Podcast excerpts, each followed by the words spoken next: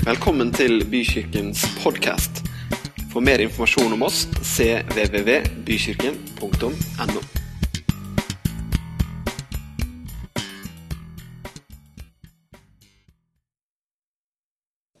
Dere, For to uker siden så delte jeg et budskap som jeg kalte 'Tro til tro'. Noen som husker det? Bra. Dette er på en måte del to av Tro til tro, men den heter bare tro. Og så er det sånn for deg som ikke vet det, og det er ikke sånn for å reklamere for meg sjøl, men alle våre taler her i Bykirken de ligger tilgjengelig på nettsiden vår, bykirken.no. Så hvis du eh, ut fra noen referanser jeg gjør i dag, tenker oi, hva var det egentlig han sa om det for to uker siden, så har du faktisk mulighet til å gå inn og høre på den, den prekenen og, eh, og hvilke andre du måtte ønske å gjøre. Så får du litt grann, eh, helhet. Men den står helt og fast, helt og, helt og fullt på sin egen, sine egne bein, den her også, så du trenger ikke å være bekymra for det. Tro er kanskje et av de mest Eller det er et av de aller mest brukte begrepene i Bibelen. Vi møter det i Gamletestamentet, vi møter det i Nytestamentet, vi møter det i profetiene. Tro er utrolig viktig. Og i dag så skal jeg snakke litt videre ut fra tro til tro, og jeg har kalt det, som jeg sa, bare tro. Hvorfor er det så viktig å snakke om tro? Bentover? Jo, jeg tror det er viktig å snakke om tro fordi jeg opplever at det er behov for å gjøre en viss opprydning i den litt sånn tradisjonelle oppfatningen som en del mennesker har av begrepet tro. Jeg vil til og med våge den påstanden at noen ganger så har troen kommet i veien for troen.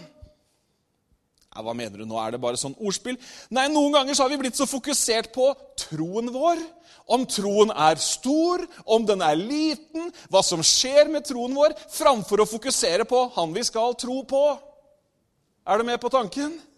Vi kan være så opptatt av trodde jeg riktig nå, det skjedde ikke noe. Hvorfor? Hva med troen? Så blir troen det vi snakker om, istedenfor å snakke om han som er troen.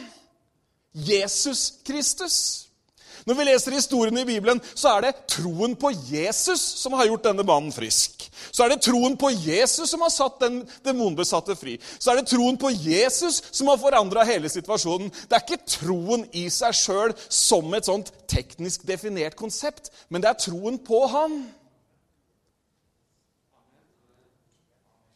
Vært så fokus på tro. vet du. Syv steg til sånn tro og sterkere tro. og denne tro. Mens Bibelen er litt sånn radikalt annerledes det er den jo på veldig mange punkt, og sier at hvis du har tro som et sennepsfrø Hvis du har så lite tro da kan du snakke til dette fjellet. Da kan ting endre seg. Altså Med andre ord den der intellektuelle, akademiserte troen som er veldig metodisk, og som har veldig mange sånne ulike lag og former. Den derre vanskeliggjorte troen, for å si det litt sånn folkelig. Det er den. Det er ikke ofte jeg går til angrep mot noe i prekenene mine, men det er den jeg angrep for to uker siden, og det er den jeg for så vidt angriper litt også i dag og sier 'bare tro'. Jeg sa jo forrige gang at troen er ikke en læresetning som, eller et dogme som vi liksom gir vår tilslutning til. Det er heller ikke en sånn religiøs handling som vi utfører ved visse høytider. Nei, troen er noe helt annet, og troen er så utrolig viktig, for det er i troen at du og Gud møtes, og noe kan skje. Du vet, Skal du snakke med en torsk hvor må du hen da? Ja, Nå er det banalt. Nei, men dette er viktig. Da må du i vannet, for det er der torsken er. Hvis du skal snakke med Gud, hvis du skal møte Han, hvor må du hen da? Og nå ble det vanskelig. Da må du i det vannet, da må du i det elementet, da må du i tro. Uten tro er det umulig å være til behag til Gud. For den som trer fram for Gud, må tro at han er til, og at han lønner den som søker ham. Er du med på tankegangen? Og Jeg fortalte jo også hvordan det etter cirka sånn etter Babel, Babels tårn og hele den pakka der, så begynte de skriftlærde å understreke skriftene, lovene, budene. Og så gikk troen fra å være en sånn Husker dere hva tro var for noe? En sånn innstilling, en sånn der grunnholdning, en sånn hjertesholdning til Gud. Så gikk den fra å være en sånn holdning til Gud til å bli en sånn hodeting. Noe man skulle gjøre, noe man måtte forstå, noe man måtte huske på. Det ble en dyd på lik linje med andre gode gjerninger, istedenfor å være en sånn grunnholdning i livet at jeg er vendt mot Gud. Gud er god. Han ønsker å velsigne mitt liv, og han ønsker å være sammen med meg. Er vi sånn cirka på linje da igjen? Det var en sånn liten oppsummering av deler av den prekenen vi hadde forrige gang. Tro er en tillitsfull innstilling overfor en levende Gud. Det er på mange måter ditt ja til Han. Ja, Men er det ikke litt mer komplisert enn det? Nei, det er det ordet betyr. Det å ha en sånn grunnleggende innstilling mot ham, en sånn tillitsfull holdning, en tillitsfull hengivelse Det kan også bety på en måte at man lener seg mot, stoler på, støtter seg til, trøster seg til, søker tilflukt til, osv. Og, og akkurat det må jeg si ett ord om, for at alle disse støtter seg til, søker til, lener seg mot Alt er retta mot Gud. Det er så himla mye man kan søke mot. Det er så mye man kan bygge livet sitt på. Men det er nemlig utrolig viktig. Fordi at troen er ikke en sånn greie hvor jeg med mine meninger har definisjonsrett for hva tro er. Det er veldig lite politisk korrekt å si. Fordi at i dag, i samfunnet vårt i dag så er det sånn at eh, det er jeg som definerer troen min. Har du hørt den derre 'For meg er Jesus' Og så kommer en hel liste? Ingen som har hørt det? Ja, dere er her. Det er jo veldig fornærmende. altså hvis, hvis, det var sånn at når du omtalte meg liksom, ja nei, For meg så er Bent Ove sånn og sånn og sånn. Mest sannsynlig så hadde jeg vært Er jeg litt mer enn det du tror? Og hva da med Jesus? Det er så bra at ikke det er vår subjektive meninger, men det er Gud. Men det kan bli veldig trøblete hvis sentrum for troen ikke er Jesus, som vi sang om, men hvis sentrum i troen er oss sjøl. Det er Jesus som er hovedpunktet i troen, dere. Amen. Det er han det dreier seg om, og derfor så kaller vi han jo også troens opphavsmann. Han starta det, og vi kaller han for troens fullender. Han skal faktisk fullføre det. Dere, Vi skal lese en historie i Bibelen hvor vi ser at tro er en stor del. Det finnes jo utrolig mange historier i Bibelen om tro, og denne, i dag skal vi lese sammen i Markus kapittel 5. Og jeg leser hele historien sammen, eh, eh, eller sammenhengende først, og så skal jeg vise dere noen ting da. Er det greit? Er du med? Ja, så bra. En kjempebra historie som sikkert mange har lest før, men den, den sier oss utrolig mye. Ok, Da Jesus var kommet over til den andre siden igjen med båten, samlet det seg en stor folkemengde hos han. Mens han var nede ved sjøen, kom en av synagogeforstanderne. Han het Jairus. Da han fikk se Jesus, kastet han seg ned for føttene hans og bønnfalt han. Min lille datter holder på å dø. Kom og legg hendene på henne, så hun kan, bli frisk og få leve. Jesus gikk med han, fulgt av en stor folkemengde som trengte seg innpå han. Det var en kvinne der som hadde hatt blødninger i tolv år. Hun hadde lidd mye hos mange leger. Alt hun eide, hadde hun brukt uten å bli hjulpet. Det var heller blitt verre med henne. Hun hadde fått høre om Jesus og kom nå bakfra i folkemengden og rørte ved kappen hans, for hun tenkte om jeg så bare får røre ved klærne hans, blir jeg frisk. Med en gang stanset blødningen, og hun kjente på kroppen at hun var blitt helbredet for plagen. I det samme merket Jesus at en kraft gikk ut fra ham, og han snudde seg i folkemengden og sa, 'Hvem rørte ved klærne mine?' Disiplene sa, 'Du ser hvor mange folk som trenger seg innpå deg, og så spør du om hvem som rørte ved deg.' Men Jesus så seg omkring for å få øye på den som hadde gjort det. Kvinnen skalv av redsel, for hun visste hva som var skjedd med henne. Hun kom og kastet seg ned for han og fortalte alt som det var. Da sa han til henne, 'Din tro har frelst deg, datter. Gå bort. Du skal være frisk og kvitt plagen din.'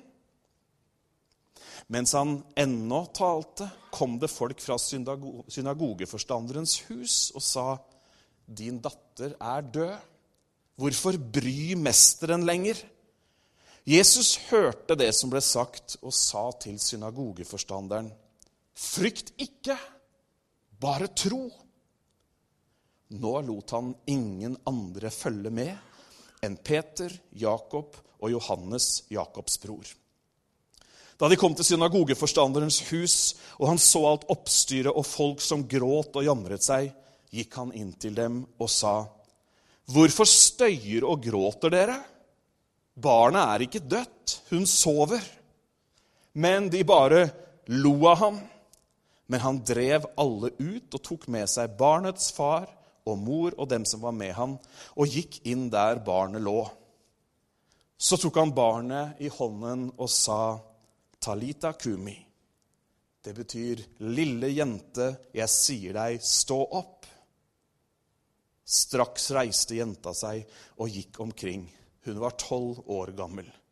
Og de ble helt ute av seg av undring. Men han påla dem strengt at ingen måtte få vite dette. Og han sa at de skulle gi henne noe å spise. Fantastisk historie en fantastisk historie. Det er mange historier vi kunne ta, men det er denne vi skal kikke litt på i dag. Jairus,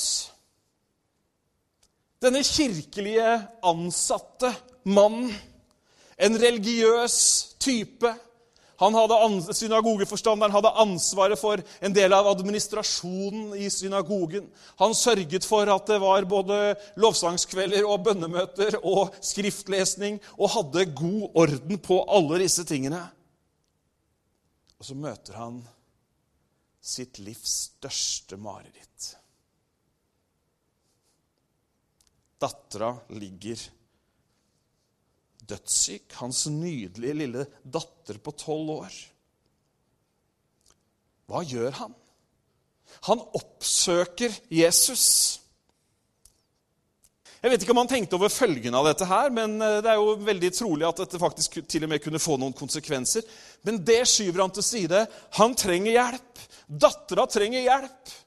Og hva gjør Jesus når han kommer og spør om hjelp? Uten noen diskusjon, uten noen meningsutveksling, så blir Jesus med han for å hjelpe. Tror du det er fordi han er ansatt i synagogen? Ja, kanskje? Nei, ikke så veldig sannsynlig. Tror du det er fordi han har fullført søndagsskolen og har eh, stjernehimmelen full av klistremerker og garnet fullt av fisk? De hadde kanskje ikke det da. Hadde de ikke det, Anette? Det var ikke sånn da? Nei. Det var bra at vi fikk det på plass. Men hvorfor hjelper Jesus Jairus?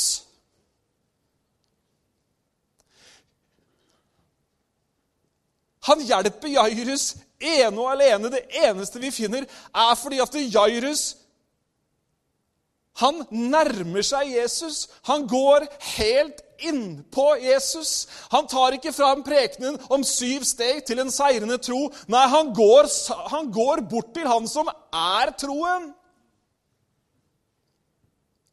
Og Det er jo helt fantastisk, for at han går jo bort og til og med forteller hva Jesus kommer til å gjøre. Snakk om positiv innstilling til Jesus. Han vet jo hva som kommer til å skje, tydeligvis. Men han gjør noe. Han beveger seg mot Jesus. Hva sa vi at tro var? Jo, en innstilling. En grunninnstilling. Altså at vi har liv som er vendt mot Gud.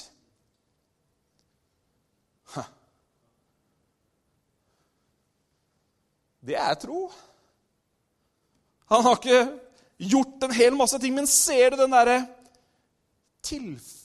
tillitsfulle holdningen han har? Han sier, 'Kom og legg hendene på henne, sånn at hun kan bli frisk'.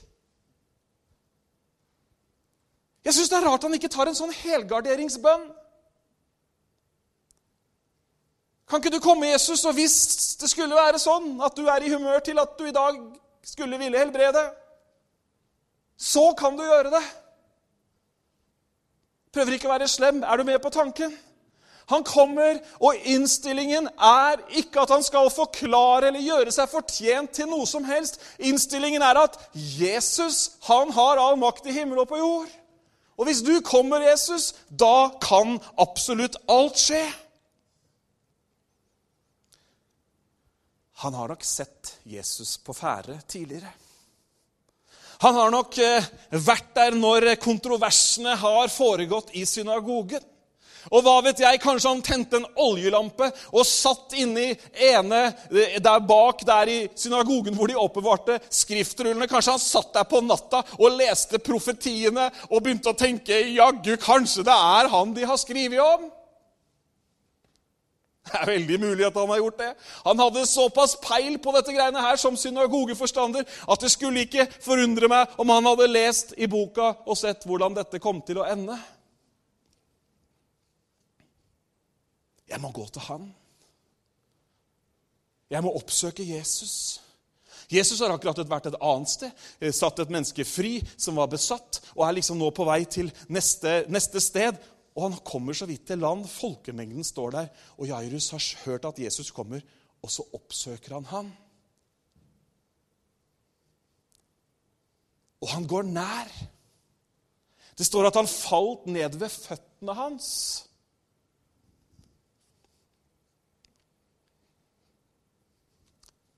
Han løp ikke til de skriftlærde.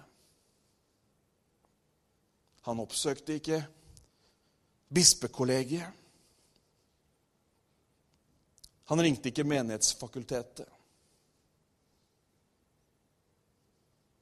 Han gikk til Jesus. Bare tro. Bare tro. Troen, dere, oppsøker Jesus. Troen er på Jesus. Han er det eneste som kan frelse, helbrede og sette fri. Amen. Det var et riktig tidspunkt å si amen på nå. Åpne opp munnen og hjertet litt. Og ja, det er faktisk han som er løsningen, dere. Det er faktisk han vi preker. Det er faktisk han vi holder fram. Jeg har veldig lite annet å tilby deg enn Jesus Kristus i sin herlighet.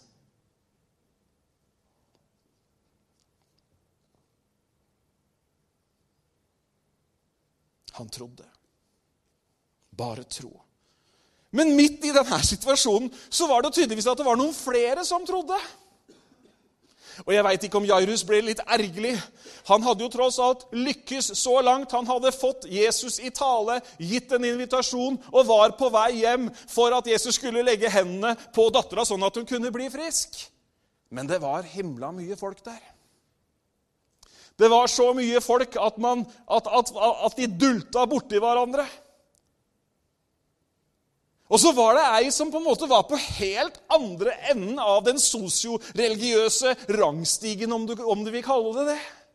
Det var altså ei dame der som altså, Hun var så lite markant at de nevner ikke navnet hennes engang. Markus, når han skriver ned denne historien etter at det har skjedd. Jairus får jo navnet sitt i boka, det er jo ganske bra. Men denne andre er bare kvinnen som hadde hatt blødninger i tolv år og som hadde brukt absolutt alt hun hadde på å finne en løsning. Det de hadde felles, Jairus og denne dama, det var at de hadde hørt om Jesus. De hadde hørt at han der, han er den som kan gjøre noe. Han er den som kan helbrede syke, til og med. Og denne dama var alt annet enn en respektert borger. Hun var ingen som folk automatisk tok et lite skritt tilbake og slapp fram til Jesus. Nei, etter de religiøse lovene så var hun sågar uttalt uren. Hun hadde ikke lov til å oppholde seg der hvor det var store folkemengder. Og i hvert fall ikke røre ved noen, i hvert fall ikke ta på noen, for da kunne de også bare ved å være i berøring med henne faktisk bli uren. Hm. Og mens Jairus var frimodig og gikk helt fram til Jesus og spurte, så hadde denne dama et annet bakteppe. Hun visste at 'jeg skal jo ikke egentlig være her'.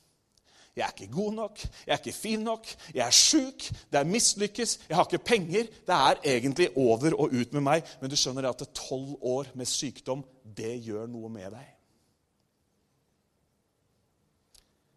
Når alt håp er ute, det er ikke penger igjen Hun har prøvd det som fins av datidens tilbud på legefronten, og det var sikkert mye rart også den gang da.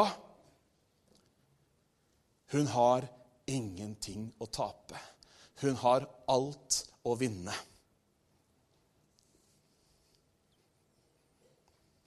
Hva gjør hun i sin situasjon?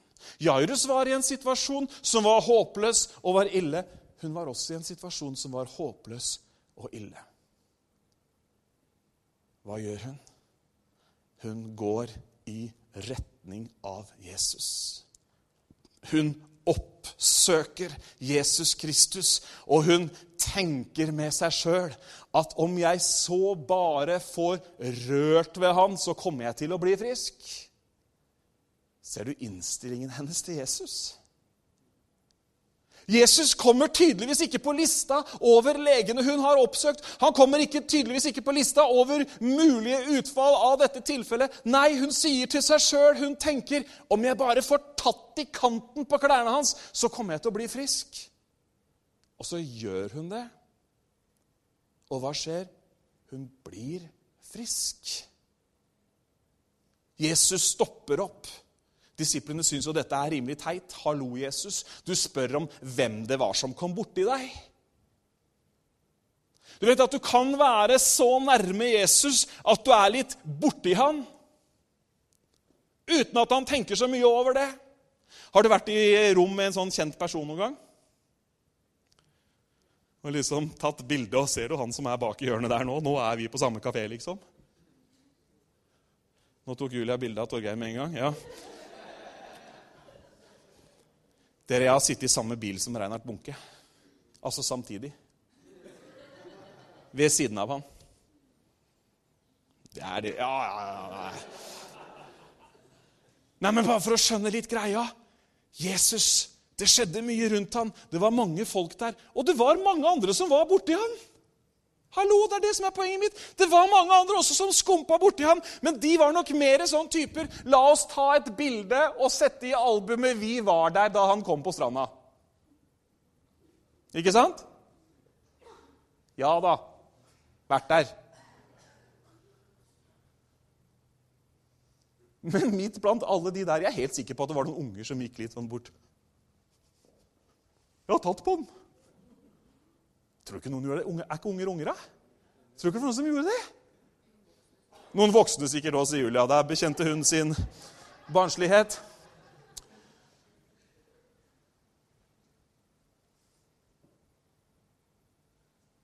Men det er en helt annen innstilling til Jesus. Det er en helt annen holdning til hvem han er. Er du med på tanken? Denne dama hun kom en helt annen Hun hadde jo akkurat som Jairus han hadde gjort opp for seg sjøl at om jeg bare så kommer borti han, så kommer jeg til å bli frisk. Så stopper Jesus. Hvorfor? Jo, fordi Jeg hadde jo en sånn liten deg og Gud her i stad, ikke sant? Her er troen. Det hun gjorde som ikke de andre gjorde, som kom borti, var at hun gikk inn i det rommet eller over i det elementet. Det er viktig for meg at dere skjønner hva jeg mener. Er du, er du med på tankegangen? Hun gikk over i det rommet der hvor Gud kunne gjøre noe. Fordi at uten tro, eller som jeg poengterte forrige, for, for søndagen for to uker siden Utenfor troen så er det ikke mulig å komme i berøring med Gud. Du kan vite alt som er å vite. Du kan ha alle titler som er å ha. Du kan ha, de beste, du kan ha den beste stamtavla. Det hjelper ingenting. Det er når du går inn i det rommet der hvor Gud er, det er da noe skjer. Og det var det hun gjorde, og det var det Jesus merka. Jo sann, det var noen som rørte ved meg. Han visste jo selvfølgelig hvem det var. Han bare tok en liten sånn skanning rundt. Og så bekjenner hun for så vidt sin tro ved å si at det, var jeg som gjorde det. Det sto noe veldig fint der, det må jeg finne igjen. Det sto, skal vi se Jesus så seg omkring for å få øye på den som hadde gjort det. Kvinnen skal være redsel, for hun visste, som, hun visste hva som var skjedd med henne. Og hun kom og kastet seg ned foran og fortalte ham alt som det var. Er det ikke deilig at når du kommer framfor Gud, kjære venn, så kan du fortelle han alt akkurat sånn som det er? Å, som vi har bomma på dette greiene her. Å, som vi har rota det til. Og folk tenker at nei, hvis jeg bare fikser på det, hvis jeg blir litt bedre, hvis jeg bare gjør sånn, da kan jeg jo komme fram for Gud. Da kan jeg også bli en troende. Det er feil. Hørte du hva jeg sa? Det er feil. Du som tenker at jeg skal bare skjerpe meg litt og slutte med ditt og slutte med datt. Så kan jeg komme. Denne dama her hadde sikkert mange ting hun burde ha slutta med. Hvis vi skulle dømt henne religiøst. Hvis vi skulle dømt henne etter sånn som mennesker tenker. Men nei, hun kommer, for han visste alt. Hun fortalte alt hvordan det var. Og du vet, Damer kan snakke fort, så jeg er sikker på at hun fikk hele lista over leger hun hadde besøkt. Jeg er helt sikker på at Han fikk en kort innføring i alle behandlinger hun hadde vært utsatt for. Men jeg er også helt sikker på at hun sa Så tenkte jeg og sa til meg selv at om jeg bare får rørt ved han, så blir jeg frisk. Og nå er jeg frisk. Bare tro. Bare tro. Hun hadde, jo, det, hun hadde jo ikke vært på et søndagsmøte på flere måneder. Kan du gange 12 med, 20, kan du gange 12 med 12? Hva er det for noe? 144. Hun har vært sjuk i 12 år. Så hadde hun ikke vært på et møte i måneden engang. Det tenker jo mange at det er voldsomt hvis man er en gang i måneden. Men hun hadde ikke vært det engang. For hun slapp ikke inn. Uren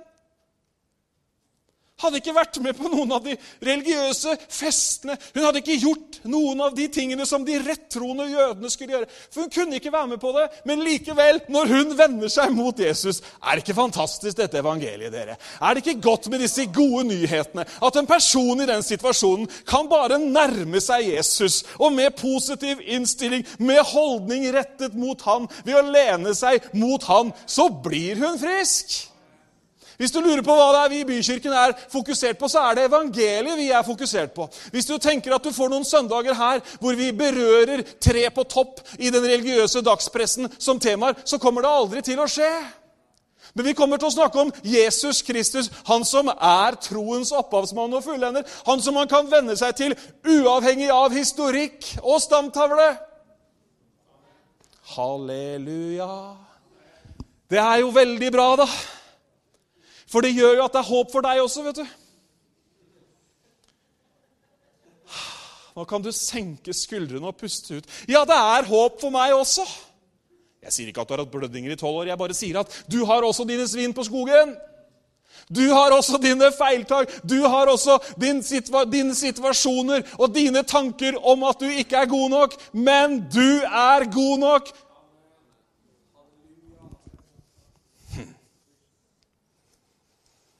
Oi, oi, oi. Tida går. Men det jeg ville du skulle få tak i. Jeg ville du skulle se, var den holdningen hun hadde. Den innstillingen. Jeg ville at du skulle høre hvem det var hun lente seg mot. Hvem det var hun stolte på. Så går historien videre.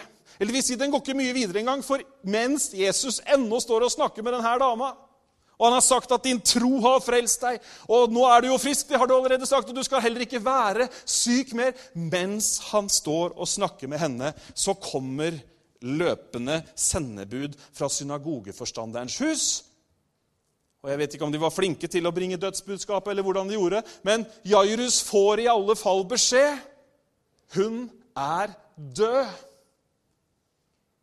Og De stoppa ikke med å si at hun var død. De fortsatte med å si at 'bry ikke mesteren'. Da er det deilig å se hvordan troen selv, Jesus Kristus, tar ordet etter dødsbudskapet. Det står ikke engang her at Jairus får svart, men da sa Jesus, 'Frykt ikke, bare tro'. Motsatsen av tro, det er frykt. Frykt ikke, bare tro. Og så gjør han noe der. Og det er jo litt interessant at disse folka sier 'bry ikke mesteren'. Altså sånne forstå-seg-på-ere som sier 'slapp av, ikke be engang, det hjelper ikke'. Finn på noe annet. Det er det de sier. Da gjør Jesus noe som i alle fall sier meg noe. Kanskje det sier deg noe også. Da får ikke folkemengden følge med han videre hjem til synagogeforstanderen. Da får ikke opinionen får ikke lenger en talerstol. Hallo? Synserne får ikke ordet. Han tar med seg Peter, Jakob og Johannes og foreldrene, og så går han. Og Når han kommer dit, så møter han neste utfordring. Du skjønner, Det hender at Troen møter noen utfordringer, for da møter han hele gråteriet. Da er sørgekonene på plass, og de hyler og de bråker og de skriker. Så Jesus sier, 'Hvorfor støyer dere så?' Hun er, hun er ikke død, hun bare sover. Da kommer kynikerne med latter. Så står det at Jesus drev de ut. Det er ikke en passiv handling. Det ordet kan oversettes på mange måter, men det betyr enten at han dreiv dem ut, sånn som du jager et dyr ut, eller det kan bety at han kasta dem ut. Med andre ord så ser jeg Jesus som en voksen mann som sier, 'OK, nå er det nok! Ut!' Jeg vil ikke høre mer. Jeg vil ikke ha det der bråkegreiene deres. Jeg vil ikke at det skal være dette som dominerer dette. Denne situasjonen. Så får han de bort, og så går de inn til jenta. Og så sier han, 'Talita kumi'. Jeg sier deg, lille jente, stå opp. Jeg lærer litt av denne historien om tro. Jeg ser litt hvordan troen ikke dreier seg om å plutselig skulle sørge for at man har gjort alt rett, sånn at Jesus kanskje kan begunstige oss med et eller annet.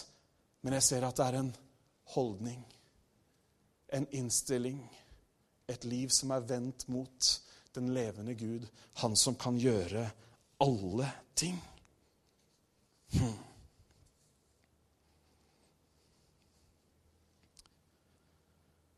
Men hva har det å si oss i dag? Vi er jo verken Jairus eller kvinnen med blødninger.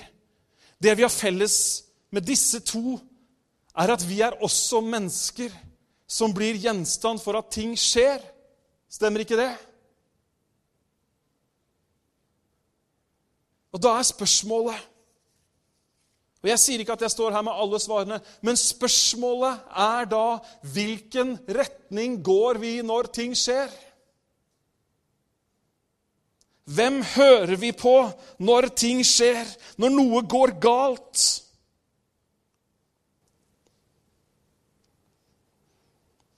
Dere, Guds menighet i dag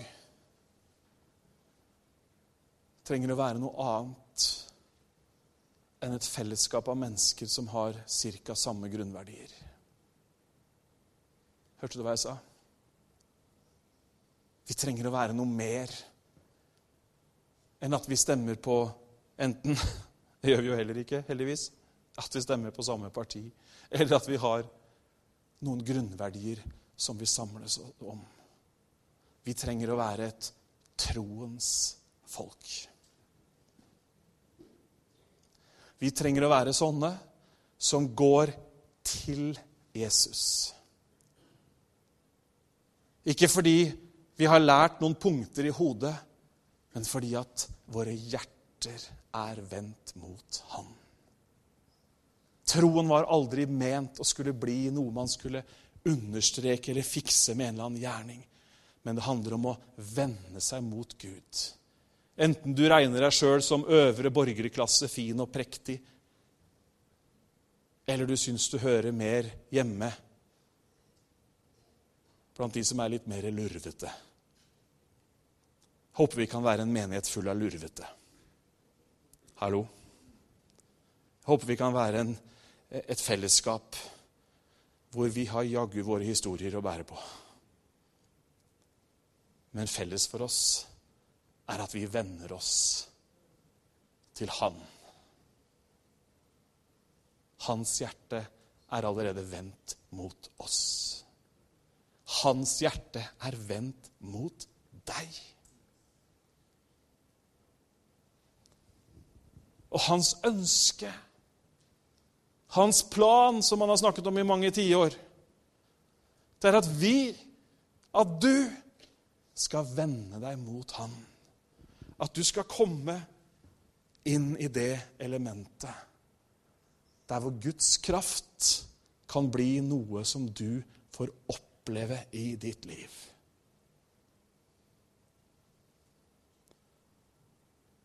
Ja, men hvorfor skjer det ikke mer, Bent Ove?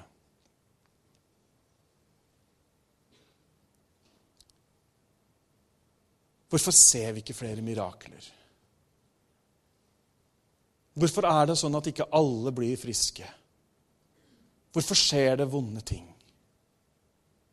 Jeg har ikke svaret på alle de tingene.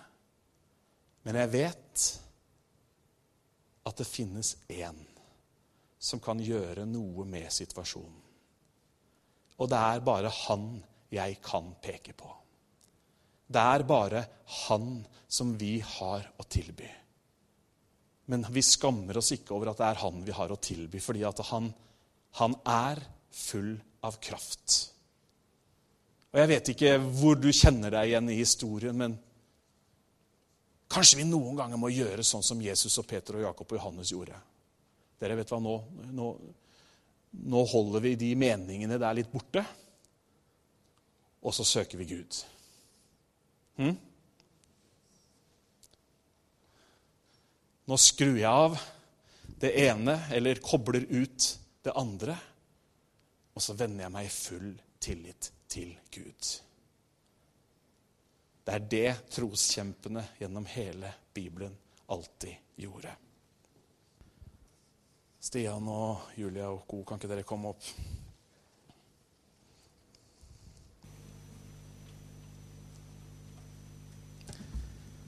Kanskje Kanskje noen her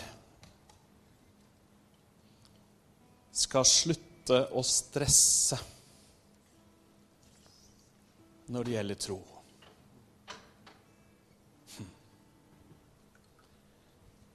Kanskje du skal slutte å analysere hva er det med min tro som gjør at det ikke har skjedd noe til nå.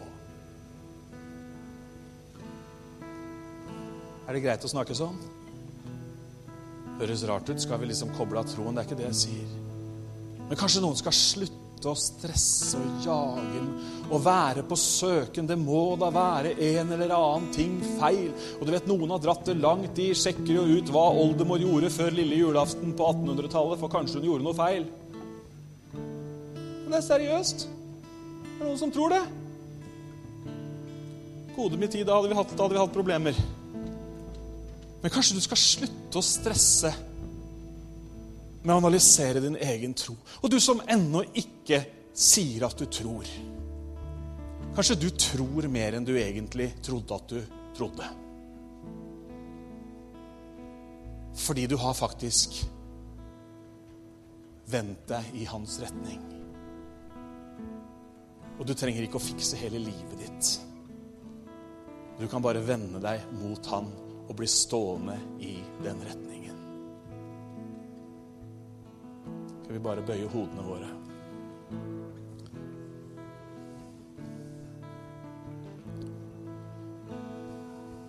Akkurat som eh, denne dama bekjente sin tro ved å komme fram til Jesus.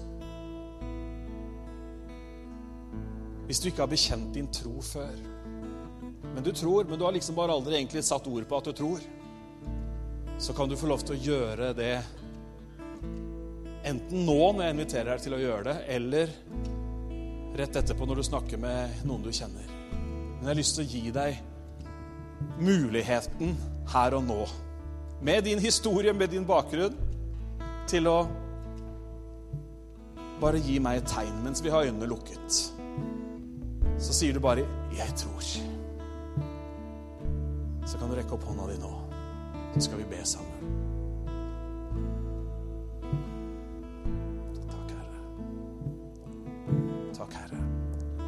Jeg har gitt deg invitasjonen, så du kan ta med deg den videre. Skal vi reise oss opp, alle sammen?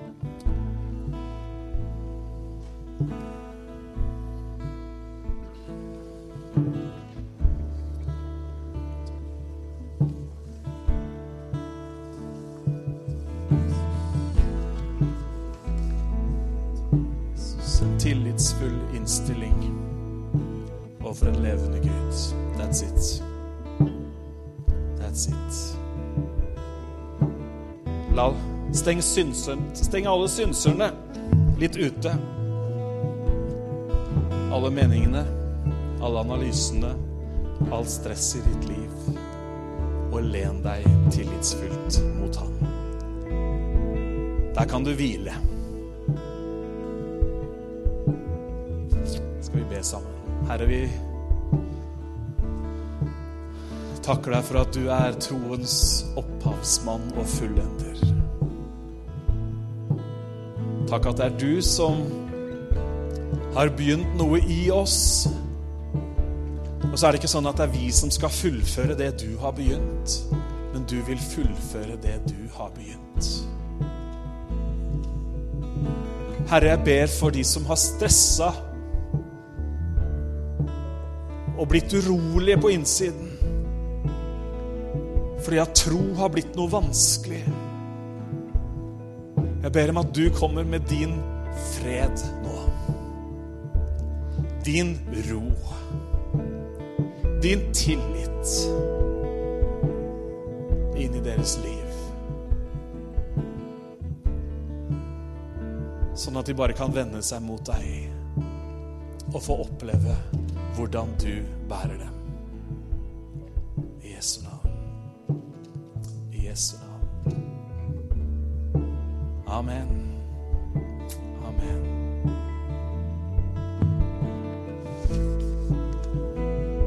Kan du bare være i bønn der hvor du står, eller du kan være med å synge. Du kan også få lov til å få forbønn hvis du ønsker det. Da er det bare å komme fram, og så ønsker jeg Guds velsignelse og styrke og ledelse for alle